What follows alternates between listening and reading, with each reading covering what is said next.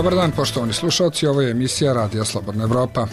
U narednih pola sata sa vama su Nenad Branković i Zoran Glavonjić. U Rumi iskliznule četiri vagon cisterne sa fosfornom kiselinom. Nema opasnosti po ljude i sredinu. Počele konsultacije za mandatara nove vlade Srbije. Sastanak u ukidanju dinara na Kosovu sutra u Briselu. Izraelska ofanziva u Rafi značila bi kraj humanitarne pomoći za gazu, saopštile Ujedinjene nacije. U Srbiji sutra do 20 stepeni. U nastavku ćete čuti kako se odvija internet prevara američkih građana vođena iz Velesa. Ja verujem u predsjednika Trumpa i mislim da je pošten. Poverovala sam da investiram u budućnost svoje porodice i uložila sam popriličnu sumu novca. Kao i koliko je ko u Srbiji dao na izbore u pokušaju da osvoji vlast. Najviše novca na potrošila je Srpska napredna stranka, 7,4 miliona evra, a najmanje lista okupljena oko Branislava Nestorovića, Mi glas iz naroda, 60.000 evra. Ostanite uz program Radija Slobodna Evropa. slobodnaevropa.org Budite online s radijom Slobodna Evropa. U železničkoj stanici u Rumi jutro se došlo do iskliznuća četiri vagon cisterne sa fosfornom kiselinom, ali nije došlo do curenja niti prevrtanja i nema opasnosti po živote ljudi i životnu sredinu, saopštilo je preduzeće Srbija Cargo. Kako je precizirano, teretna kompozicija imala je 12 vagona cisterni koje su u vlasništvu kompanije Elixir i saobraćala iz Prahova za Šabac. Na lice mesta izašli su policija i vatrogasci kao i železnička komisija koja će utvrditi uzrok akcidenta. Sastanak na kom će se raspravljati o ukidanju dinara na Kosovu biće održan u Briselu 27. februara, potvrđeno iz Evropske unije. Obe strane potvrdile su učešće, izjavila Nabila Masrali, port parolka Evropske unije. Odlukom Kosovske centralne banke od 1. februara jedino sredstvo plaćanja je evro, čime je dinar ukinut. Tu odluku kritikovali su predstavnici međunarodne zajednice i pozvali Prištinu i Beograd da rešenje pronađu u dijalogu o normalizaciji odnosa. U Severnoj Makedoniji odvija se internet prevara iza koje stoje pojedinci iz Velesa koji reklamiraju lažne proizvode sa likom bivšeg američkog predsednika Donalda Trumpa, za koje tvrde da će kupcima doneti milione dolara nakon njegovog povratka na vlast. Kroz istraživanje zatvorenih grupa na platformi Telegram, Radio Slobodna Evropa otkrio je kako su američki državljani postali žrtve takozvanih klikača, izveštava Jelena Janković. Obavezno pišite da vam se daju konkretna uputstva kako da prevarite Amerikance. Jedna je od poruka na makedonskom jeziku sa zatvorenog telegramovog kanala u kojima se nalaze prodavci lažnih Trump proizvoda iz Velesa. Američkim građanima plasira se priča po kojoj će danas kupljeni proizvodi sa likom Donalda Trumpa vredeti milione nakon što se Trumpa vrati na vlast. Na prodaju se zapravo nude potpuno bezvredne kartice, novčići stikeri – Reklame prate snimci i fotografije Trumpa i njegovih saradnika koji su predstavljeni kao kreatori tih proizvoda. Snimci su međutim lažni, odnosno modifikovani preko softvera i veštačke inteligencije. Ja verujem u predsjednika Trumpa i mislim da je pošten. Poverovala sam da investiram u budućnost svoje porodice i uložila sam popriličnu sumu novca. Quite a large sum invested kaže za Radio Slobodna Evropa Anne Breton, 86-godišnja penzionerka iz predgrađa Nashvilla u američkoj državi Tennessee. Ona već godinama preko Telegram kanala kupuje različite predmete kao što su Trump novčići ili Trumpovi dolari, za koje se tvrdi da će postati zakonito sredstvo plaćanja u budućem Trumpovom monetarnom sistemu. Sredinom prošle godine videla je oglas za debitnu karticu za koju se navodilo da već sada omogućava povrat uloženog novca preko bilo kog bankomata. I did that. Uradila sam to. Bankomat je automatski izbacio karticu nazad. And it just shot it right back out. Kako Breton svedoči, kupila je 20 kartica, platila ih 6000 dolara i mislila da za svoju porodicu obezbeđuje investiciju od koje će na kraju naplatiti 4 miliona dolara. Nije ni slutila da se cijela mreža oko tih investicija kreira čak 8000 km dalje preko okeana – Kako su utvrdili novinari Radija Slobodna Evropa, najmanje 45 ljudi iz makedonskog Velesa stoji iza ponude za lažne kartice sa imenom Donalda Trumpa. Gradonačelnik Velesa kaže da je ovo brzi način zarade koji najčešće biraju mladi, koje u Velesu zovu klikači. Iskreno kažem, ne znam koliko je to legalno ili nelegalno. Iskreno ne znam koliko je to legalno ili nelegalno, ali verovatno postoji zloupotreba, jer neke od stvari koje se plasiraju u tim Telegram grupama su da ako bi Trump došao na vlast, neke od stvari koje se prodaju imale bi veću vrednost. Ovako se manipuliše građanima SAD. I manipulirat građanite na svoje amerikanske države. Kaže za Radio Slobodna Evropa gradonačelnik Velesa Marko Kolev. Da nije sve legalno smatra i Borče Pejčev, IT inženjer iz Velesa koji tvrdi da je pre dve godine kontaktiran sa ponudom da napravi ove sajtove. Nekoliko ponuda... Nekoliko ponuda. Hoćeš da napraviš skriptu? Sve sam ih odbio. Nudili su mi procenat, ali rekao sam im da ne želim. Ne, ne, hvala, ne. Kaže Borče Pejčev koji nije želao da otkrije više detalja zbog, kako je rekao, lične bezbednosti. Kreatori spornih oglasa nisu hteli da govore za Radio Slobodna Evropa – Bez odgovora je ostalo i pitanje da li bilo koja istraga vodi ka Severnoj Makedoniji, jer iz FBI-a koji je nadležan da istražuje ovakve vrste prevara, navode da ne daju nikakve izjave o eventualnim istragama koje su u toku.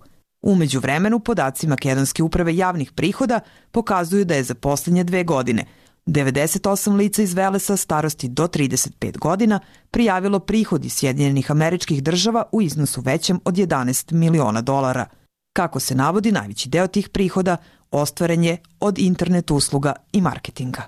Za Radio Slobodna Evropa iz Beograda, Jelena Janković.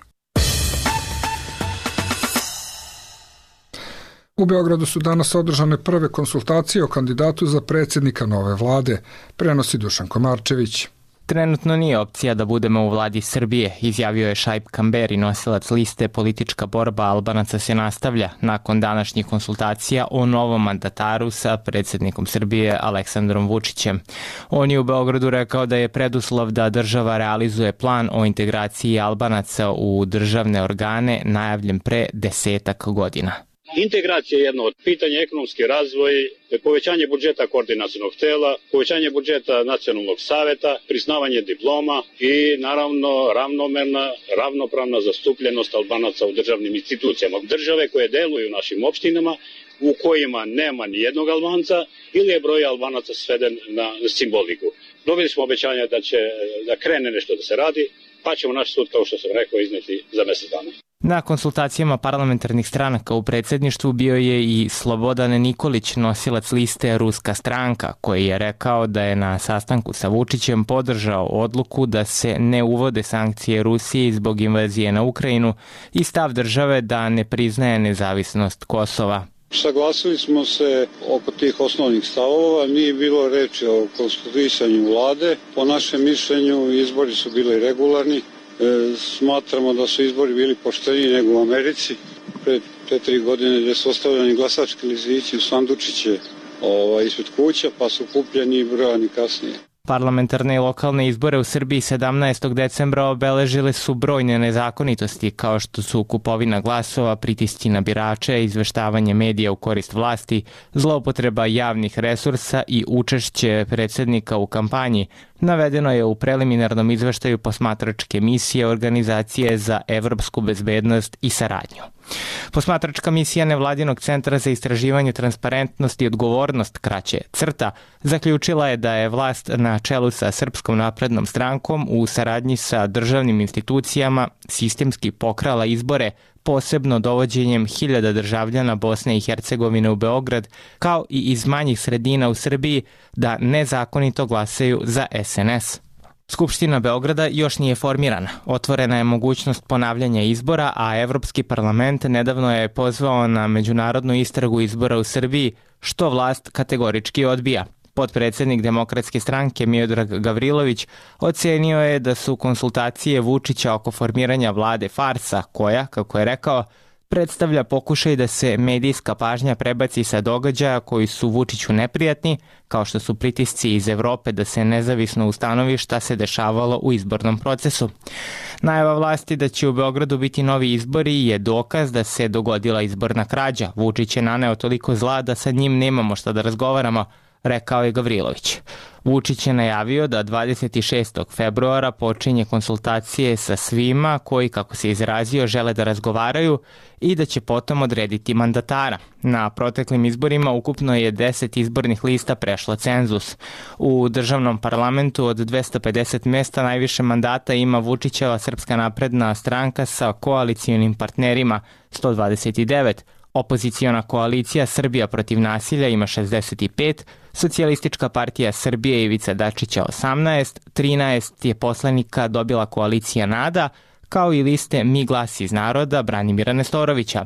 Od manjinskih partija šest je osvojila stranka Vojvođanskih Mađara, po dva liste Usame Zukorlića i stranke demokratske akcije, a po jedan lista politička borba Albanaca se nastavlja i ruska stranka.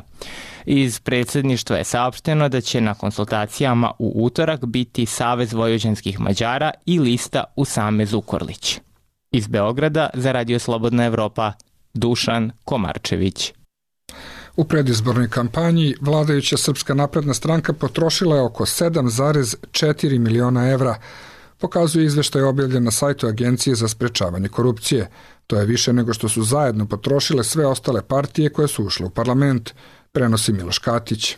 Dva meseca nakon izbora, a u jeku postizborne krize izazvane optužbama za izborne neregularnosti, stranke su Agenciji za sprečavanje korupcije dostavile konačni izveštaj o tome koliko ih je koštala izborna trka za Republički parlament.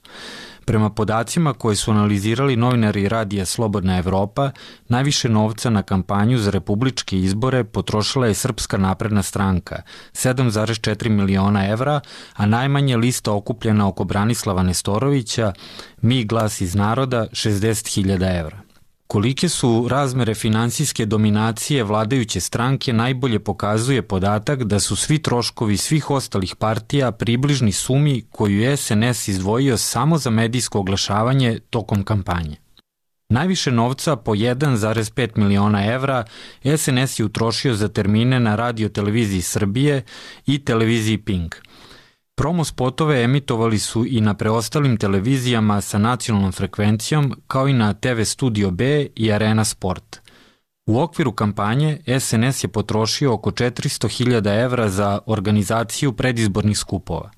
U konačni izveštaj stranka je unela troškove zakupa prostora i tehničke pripreme za mitinge dok je tabela sa putnim troškovima, odnosno cenama zakupa autobusa, ostala prazna. SNS u izveštaju nije navela ni troškove svojih call centara. Sa 2,2 miliona evra troškova, druga po visini izdataka u kampanji je Socijalistička partija Srbije. SPS je takođe prijavio najveće troškove za medije, ali i najviše donacija koje su je za kampanju uplatili građani. Od 226 građana SPS je dobila čak 800.000 evra. Srbija protiv nasilja je kao najveće rashode prijavila ukupne troškove overe potpisa, putne troškove, advokatske usluge, istraživanje javnog mnjenja. Reklamirali su se na dve televizije, RTS-u i TV Vlasotince. Ova opozicijona koalicija je ukupno na kampanju potrošila 2 miliona evra. Koalicija Nada je u kampanji potrošila oko 600.000 evra, Savez vojvođanskih Mađara 390, dok su preostale manjinske stranke potrošile u proseku oko 250.000 evra. Iz Beograda za Radio Slobodna Evropa Miloš Katić. Vladajući pokret Evropa sad u Crnoj Gori ovih dana potresa razlaz u partijskom vrhu nakon što je predsednik države Jakov Milatović podneo ostavku na sve funkcije u partiji, dok je iz stranke isključen ministar pravde Andrej Milović. O posledicama ovog razlaza za naš program govori direktorka Centra za građansko obrazovanje Dalibor Kovljarević problemi sa kojima se PES suočava će zacijelo biti inspirativni za oponenta ove partije koji će pokušati da politički profitiraju na situaciji u kojoj se Spajić vidi slabim i opterećenim pokušajima za tezanje svih štrafova u partiji kako se ona sada ne bi urušila. i ono što je čini mi se negdje važno naglasiti da ovaj novi talas destabilizacije nije samo nešto što pogađa PESA, on će definitivno imati negativan efekt i na evropske integracije i to u ključnom periodu kada su velike očekivanja ali šanse pred Crnom Gorom od strane Brisela, a sigurno neće e, imati blagotvoran uticaj na smirivanje postojećih tenzija unutar same vlade i njen konzistentni pristup u kreiranju i sprovođenju javnih politika kako će nadalje funkcionisati kohabitacija, hoće li biti obstrukcija? Sigurno sam da će Milatović u punoj mjeri koristiti uh, one, iako uske ustavne nadležnosti koje ima, što znači da će svaki zakon koji su u svojoj skupštini biti pod lupom, ali da neće lako ići ni taj proces imenovanja diplomatskih uh, predstavnika, iako su razgovori otpočeli i nekako su prve poruke tu bile pozitivne, ali ubrzo su uslijedili, uslijedili ove partijske turbulencije koje će sigurno imati svog uticaja. Čuli ste Dalibor Kuljarević o političkim dešavanjima u Crnoj Gori. Slušate program Radija Slobodna Evropa.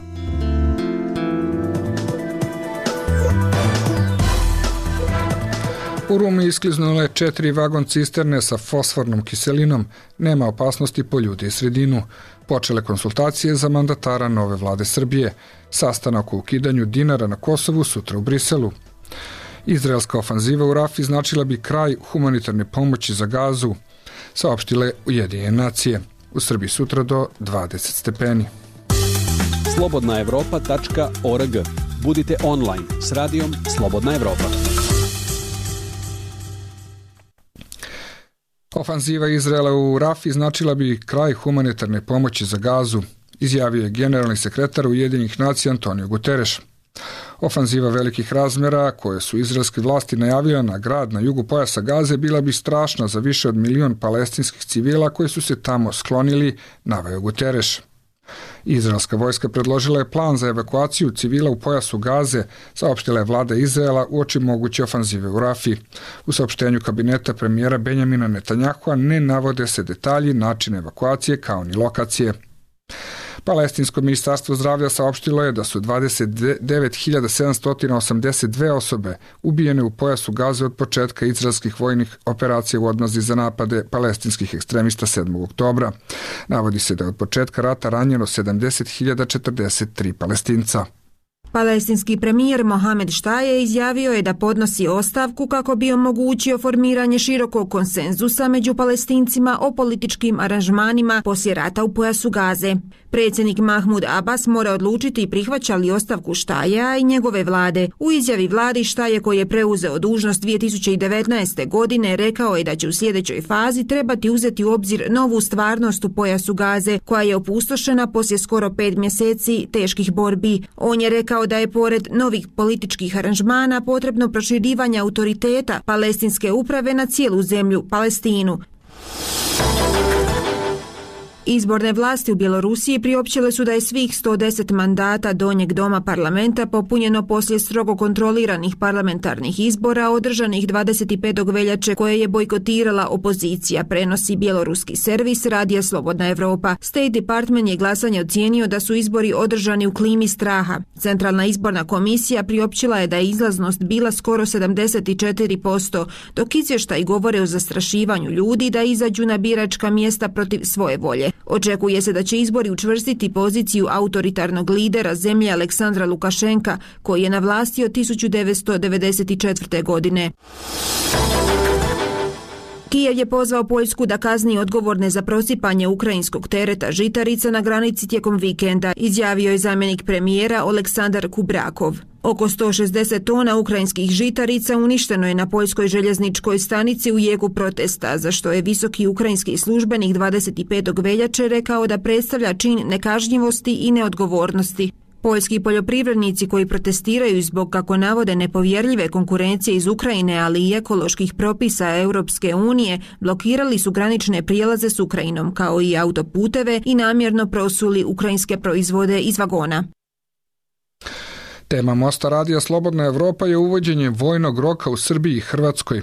Sagovornici Omera Karabega su Predrag Petrović iz Beogradskog centra za bezbednostnu politiku i Igor Tabak, analitičar Zagrebačkog portala Odbrana i sigurnost.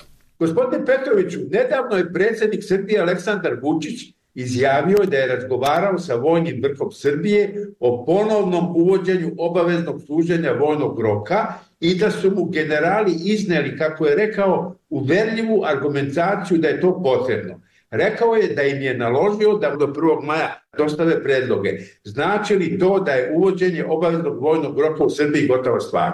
Pa nije još gotova, ali je veoma izvesna s obzirom da se Vojska Srbije već dugi niz godina suočava sa velikim odlivom kadra iz njenih redova i tu se ne radi samo o običnim vojnicima, nego se radi o visoko obučenim oficirima Vojske Srbije. Na taj način praktično sadašnje političke vlasti pokušavaju da poprave, nadomeste posledice lošeg upravljanja vojskom Srbije. A najlekše je naravno da se krene sa pričom o obaveznom vojnom roku. Pored toga, ponovno aktualizovanje priča o vojnom roku je veoma pogodno i za političke vlasti u smislu podizanja rejtinga, s obzirom da vojska Srbije već tradicionalno uživa visoko poverenje kod e, građana Srbije i oni je smatraju za najmanje korumpiranu instituciju. Na taj način, kada se vi oslonite na vojsku, kada prikazujete da vi već ulažete finansijska sredstva u obnovu naoružanja, a sada i brojno pokušavate da ojačate vojsku, to dođe veoma zgodno političkim vlastima, ovim veoma za njih nezgodnim političkim vremenima. Gospodine Tabak, nedavno je i hrvatski ministar obrane Ivan Anušić izjavio da se pripremaju tri scenarija dužine vojnog roka koji će biti prezentirani predsjedniku i premijeru i da će nakon toga uslediti dogovor na koji način i od kada provoditi vojni rok. Znači li to da će uskoro biti doneta odluka o ponovnom uvođenju obaveznog služenja vojnog roka u Hrvatskoj? Mislim da je to jako neizvjesno, da pa će čak i ne baš vjerojatno. S jedne strane u Hrvatskoj se ta tema povlači svakih nekoliko godina uvijek s margina političkog spektra, i ovog puta, evo u zadnjih mjesec dana, to je opet u saboru stavljeno kao tema, a mislim da se više uklopilo u naš predstojeći predizborni kontekst, budući da evo u Hrvatskoj je ovo velika izborna godina i što se tiče parlamentarnih izbora i europskih izbora i onda predsjedničkih izbora i čini mi se da je to zapravo glavni okvir unutar kojeg se tu zapravo igramo a u Hrvatskoj je vojni rok zamrznut, dakle nije ukinut, zamrznut je odlukom parlamenta, pa bi vjerojatno onda i za bilo kakvo odmrzavanje ili promjenu opet trebala odluka parlamenta i to sve skupa jasno stavlja stvar na sam rub političkog horizonta Gospodine Petroviću, zašto je obavezno služenje vojnog roka ponovo aktuelno u Srbiji? Da li zbog nestabilne situacije u svetu? Da li se Srbija osjeća ugrožena? Zvanično opravdanje za aktualizaciju ponovnog uvođenja vojnog roka je taj što bi po priznanju samog vojnog vrha vojci nedostaje vojnika, ali isto tako oni se oslanjaju i na koncept takozvane totalne odbrane i vojne neutralnost koja podrazumeva između ostalog i oslanjanje na sobstvene snage, a to podrazumeva i služenje vojnog roka i kao neki treći argument je i taj da je geopolitička situacija u svetu veoma nepredvidiva i nestabilna. A da li je Kosovo jedan od motiva za jačanje vojske Srbije? Kosovo je visoko na listi kada govorimo u smislu prioriteta odbrane, to su strateškim dokumentima ističe, ali nigde ne postoji jasno rečeno da je potrebno jačati vojsku zbog toga što je moguće izbijanje sukoba na Kosovu. Gospodine Tabak, da li se u Hrvatskoj pokreću razgovori o ponovnom uvođenju obaveznog vojnog roka zbog nestabilne geopolitičke situacije? Treba li se pripremati za najgore? Uzmite u obzir da je Hrvatska, za razliku od Srbije, u NATO-u i u Europskoj uniji. Dakle, ona je i tekako svrstana, apsolutno niti ne tvrdi, niti nije nesvrstana ili neutralna. To se tiče globalnih stvari, Hrvatska i politika i obrana se uklapaju u širi zapravo okvir. Prema tome, Hrvatska je jako jasno, recimo, što se tiče rata u Ukrajini svrstana sa Ukrajinom. Hrvatska što se tiče Izraela također igra unutar europske politike. U nekim diskusijama bilo je spomena i Ukrajine, i Izraela, i Gaze, i Hutija, i Jemena, i čega već sve ne, ali dobrim dijelom čini mi se da ta rasprava u Zagrebu je na neki način potaknuta gledanjem naše političke desnice prema Beogradu i prema Srbiji Jer to znači da oni koji se zalažu za ponovno uvođenje obaveznog vojnog roka misle da to treba uraditi zato što to radi Srbija. To je jedan od argumenta ali jednako ko što se u Srbiji baš ne voli spominjati Kosovo, tako i Srbija nije jedini argument, pa se onda priča o široj globalnoj situaciji, o nekakvim novim prijetnjama koje zapravo malo tko definira, Bili su to Predrag Petrović i Igor Tabak u Mostu Radija Slobodna Evropa. Dnevno et RSE. Pregled regionalnih i svetskih događaja dana. Berlinski filmski festival koji je trajao od 15. do 25. februara suočava se sa optužbama da je služio kao platforma za širenje antisemitizma. Tokom ceremonije dodela nagrada u subotu 24. februara nekoliko filmskih stvaralaca je u svojim izjavama optužilo Izrael za genocid zbog bombaških napada u Gazi u kojima je poginulo gotovo 30.000 ljudi, a većinom civila prema Ministarstvu zdravlja Hamasa, piše Euronews. Američki režiser Ben Russell je izašao na binu noseći palestinski šal optužujući Izrael za genocid, dok je palestinski reditelj Bazel Adra, koji je dobio nagradu za svoj dokumentarni film No Other Land o proterivanju palestinaca na okupiranoj zapadnoj obali, optužio Izrael za masakr palestinskog stanovništva i kritikovao Nemačku za prodaju oružja Izraelu. Reditelji tokom svojih izjava nisu spomenuli da je izraelsku ofanzivu pokrenuo napad Hamasa na Izrael 7. oktobra, u kom je stradalo najmanje 1160 ljudi, uglavnom civila. Publika festivala je aplaudirala tim izjavama reditelja, za šta je zvaničnica socijaldemokratske partije nemačkog kancelara Olafa Šolca, Helge Lind, rekla da je šokantno. Sramota me je da vidim da ljudi u mojoj zemlji aplaudiraju optužbama za genocid na račun Izrela, rekla je ona za dnevni list Welt. Gradonačelnik Berlina Kai Wegner napisao je na platformi X da antisemitizmu nije mesto u Berlinu i da se to odnosi i na umetnike, te da je ono što se dogodilo u subotu na Berlinalu nepodnošljiva relativizacija.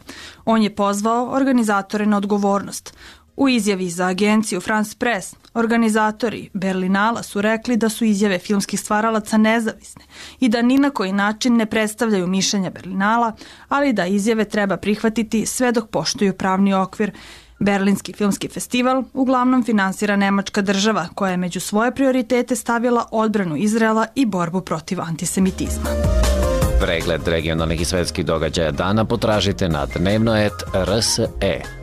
Slobodna Evropa, ORG.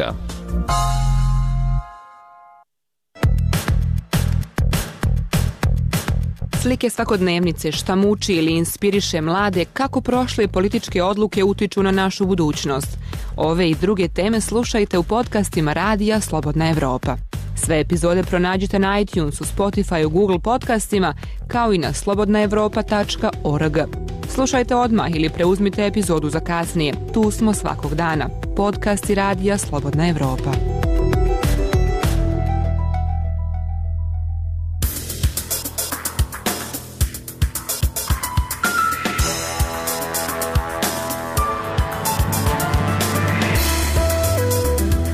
U Rumi iskliznule četiri vagon cisterne sa fosfornom kiselinom, nema opasnosti po ljudi i sredinu. Počele konsultacije za mandatara nove vlade Srbije. Sastanak u okidanju dinara na Kosovu sutra u Briselu. Izraelska ofanziva u Rafi značila bi kraj humanitarne pomoći za gazu, saopštile Ujedinjene nacije. U Srbiji sutra do 20 stepeni. Poštovani slušalci, bilo je to sve u ovoj emisiji Radija Slobodna Evropa koji su pripremili Nenad Branković i Zoran Glavonjić. Želimo vam prijatan dan.